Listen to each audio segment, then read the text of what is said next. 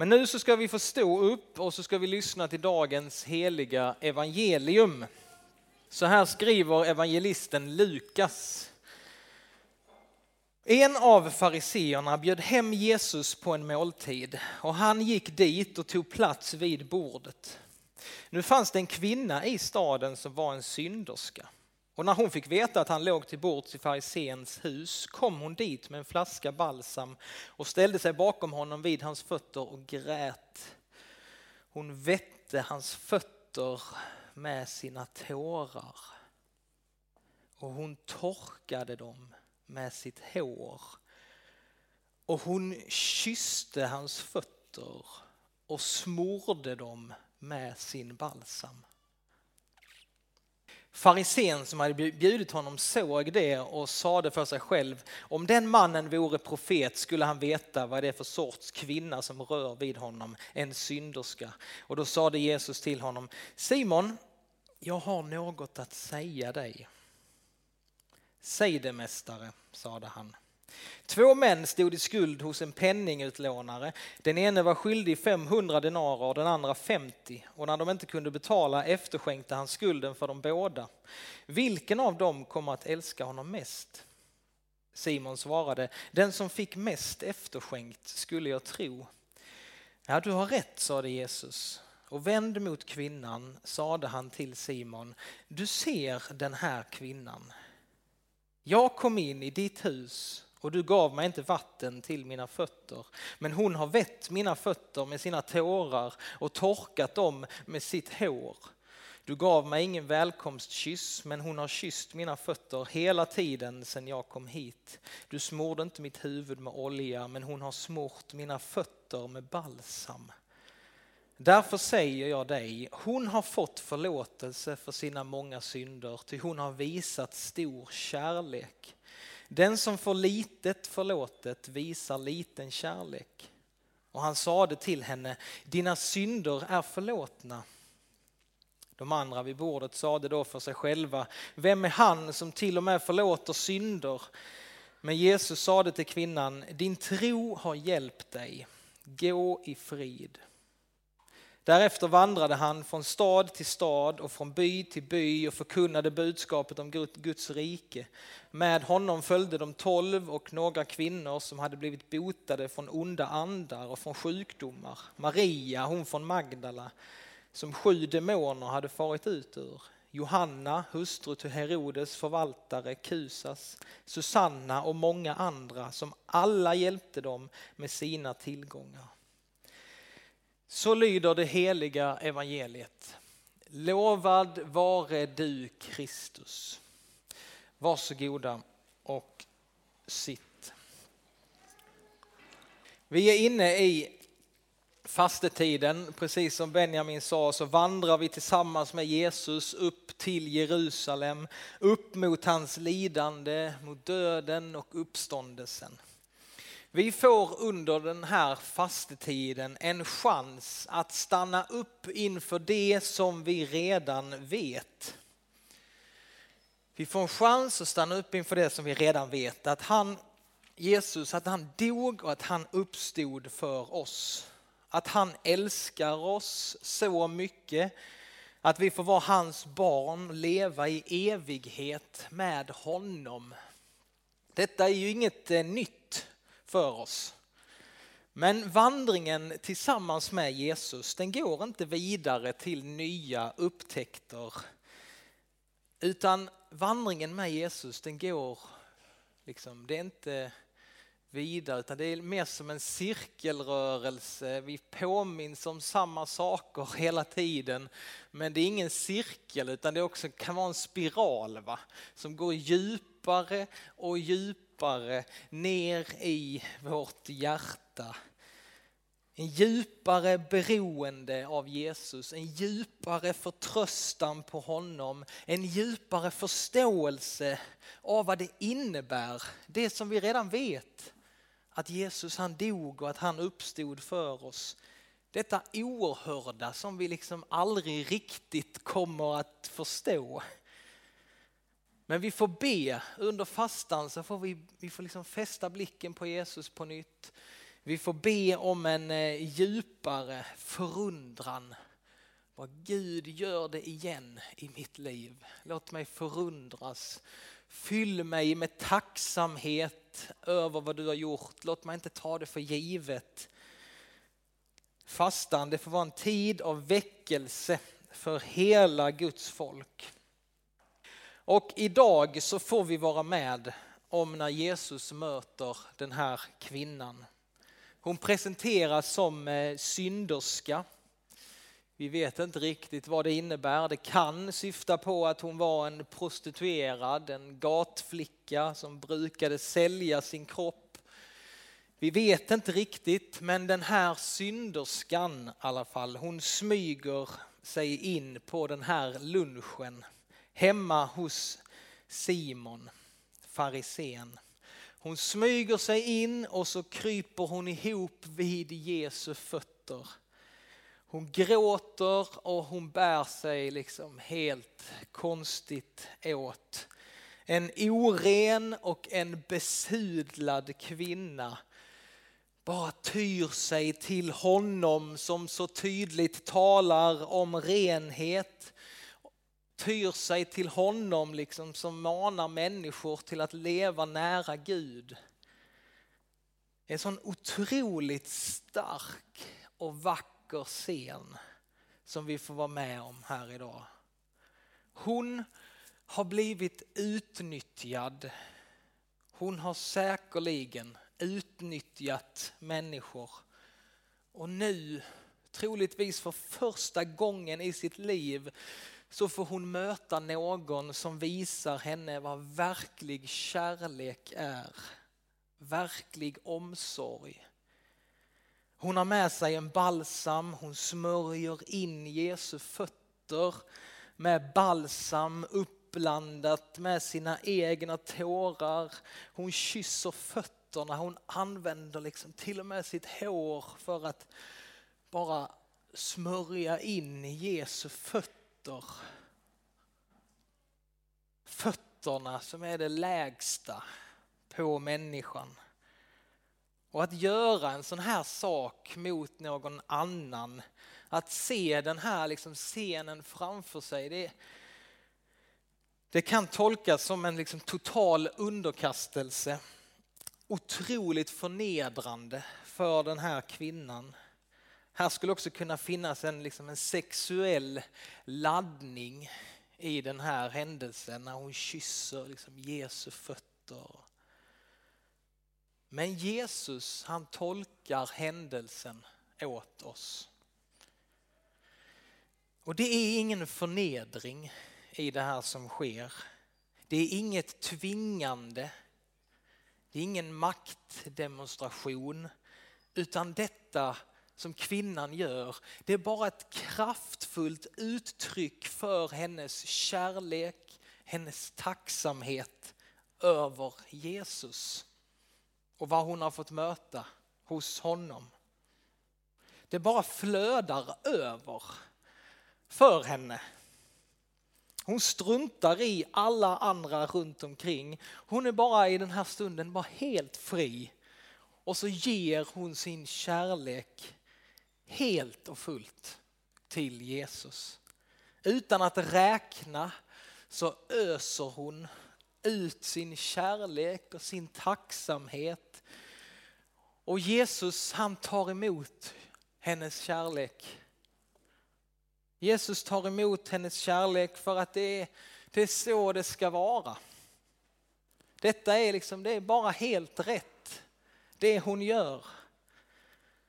Det är det vi människor ska göra, det som står flera gånger i Bibeln, i Gamla Testamentet. Det viktigaste budet som finns, det är att vi människor vi ska älska Herren vår Gud vi ska älska honom med hela vårt hjärta, med hela vår själ och med hela vårt förstånd, all vår kraft. Det är, vårt, det, det är det första, det är det viktigaste budet. Och i den här berättelsen så får vi liksom se det hända på ett helt fantastiskt sätt. Hur en människa bara utgjuter sin kärlek över Jesus. I Höga visan kan vi läsa orden så här. Om en man gav allt han ägde för kärleken, vem skulle ringakta honom? I det här fallet, om en kvinna gav allt hon ägde för kärleken, vem skulle ringakta henne? Den här kvinnan som bara gav allt.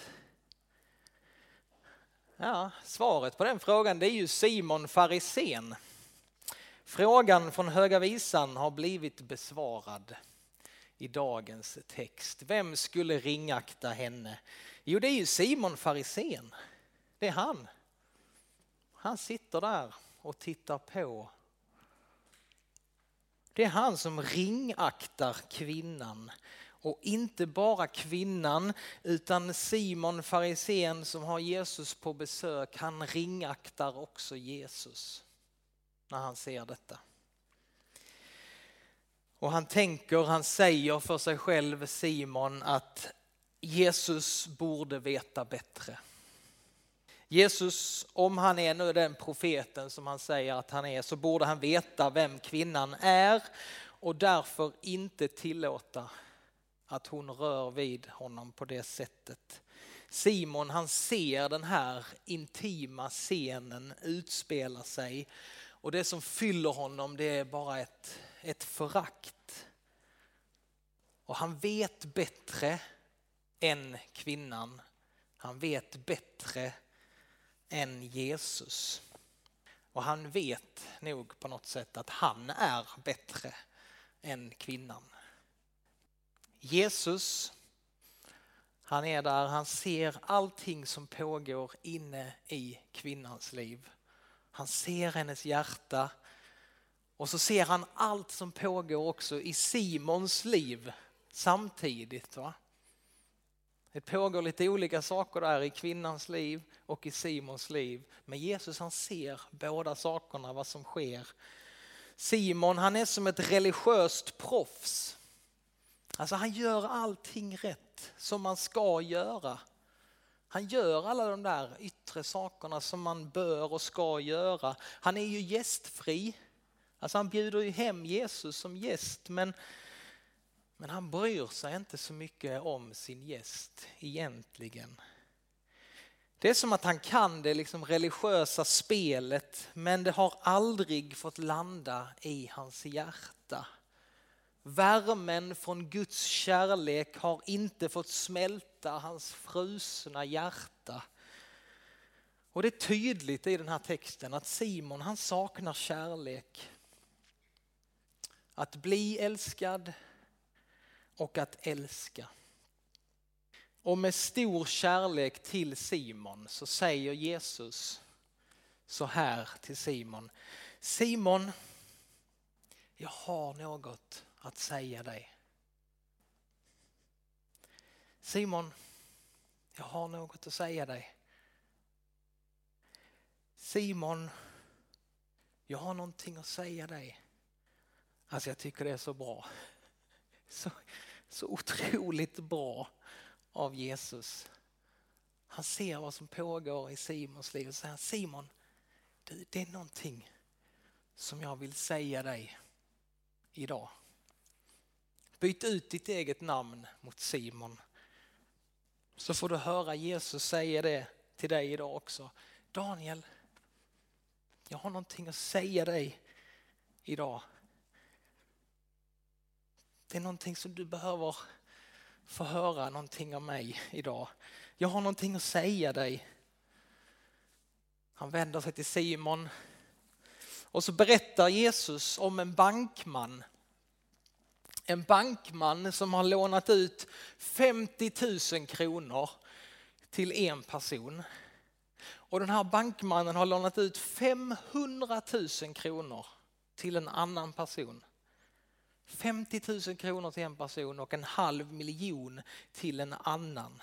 Och båda de här personerna som står i skuld till bankmannen, de är lika förtvivlade för de vet att de kan aldrig någonsin betala tillbaka det här lånet som de har hos bankmannen. Men så händer det här, det här förunderliga händer, förunderlig nåd. Jag tänker på vad som står i Saltaren 49 och 8. Där står det så här, men ingen kan köpa sig fri och betala lösen till Gud. Att köpa sig fri är dyrt. Man kan aldrig betala priset för att få leva evigt och inte läggas i graven. Men så står det i Uppenbarelseboken också kapitel 1, vers 5. Han som älskar oss och har friköpt oss från våra synder med sitt blod. Så det förunderliga händer de här två personerna som har banklån. Det förunderliga händer för båda av dem. De stod i en helt omöjlig situation båda två. En var skyldig 50 000, den andra var skyldig 500 000 och båda får skulden avskriven. Bankdirektören stryker ett streck över skuldebrevet. Och det står ju i Kolosserbrevet 2.14 så kan vi läsa så här. Gud har gjort oss levande tillsammans med Kristus i och med att han förlät oss alla våra överträdelser och drog ett streck över det skuldebrev som belastade oss med lagens krav. Han har utplånat det genom att spika det på korset. Jesus säger så här till Simon, du, jag har någonting att säga dig Simon. Jag har något att säga dig. Lyssna nu Simon. Du vet den där bankdirektören, han strök ett streck över skulden och nu båda männen, de är fria från skuld. Men Simon, vad tror du? Vilken av dem kommer att älska honom mest? Simon svarade, den som fick mest efterskänkt skulle jag tro. Ja, du har rätt, svarade Jesus. Och så säger Jesus, Simon du ser den här kvinnan. Du ser vad hon gör mot mig. Hon har fått förlåtelse för många synder. Ty hon har visat stor kärlek. Och han sade till kvinnan, dina synder är förlåtna. Din tro har hjälpt dig, gå i frid. Oh, jag, känner, jag känner så mycket för Simon i den här texten. För Simon i mig, för Simon i dig. Kvinnans hjärta är bara fyllt av kärlek och hon får gå i frid. Henne är jag inte så bekymrad över, för hon är den som älskar. Men mitt hjärta går ut på något sätt till Simon och jag hoppas att han också blir berörd av detta. Att han också blir befriad att kunna älska så som kvinnan älskade. Att det frusna inom honom började smälta. Att han fick uppleva den här verkliga friheten som finns i Guds stora kärleksfamn. Kanske flera av oss känner igen oss i Simon. Kanske någon också frågar sig att varför har jag så lite kärlek? Varför har jag inte mer kärlek att ge till mina nära och kära? Varför har jag så lite kärlek? Fundera då på vad Jesus säger till Simon. Den som har fått litet förlåtet visar liten kärlek. Kanske behöver du namn och nummer till den store bankdirektören. Jag kan absolut visa dig rätt om du behöver det. Han heter Jesus Kristus. Han dog på korset för dina synder. Han har lovat att alltid vara med dig. Och när du ber om förlåtelse så kan du lita på att han helt och fullt förlåter dig och renar dig från all orättfärdighet. För han är den enda som kan göra det. Han är den enda som har makt att sätta dig fri. Fri som kvinnan. Fri att älska honom av hela ditt hjärta och av hela din själ och av hela din kraft.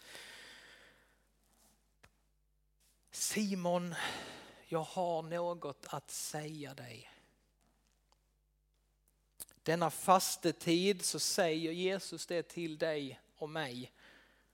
Jag har någonting att säga dig Daniel. Jag behöver korrigera dig lite.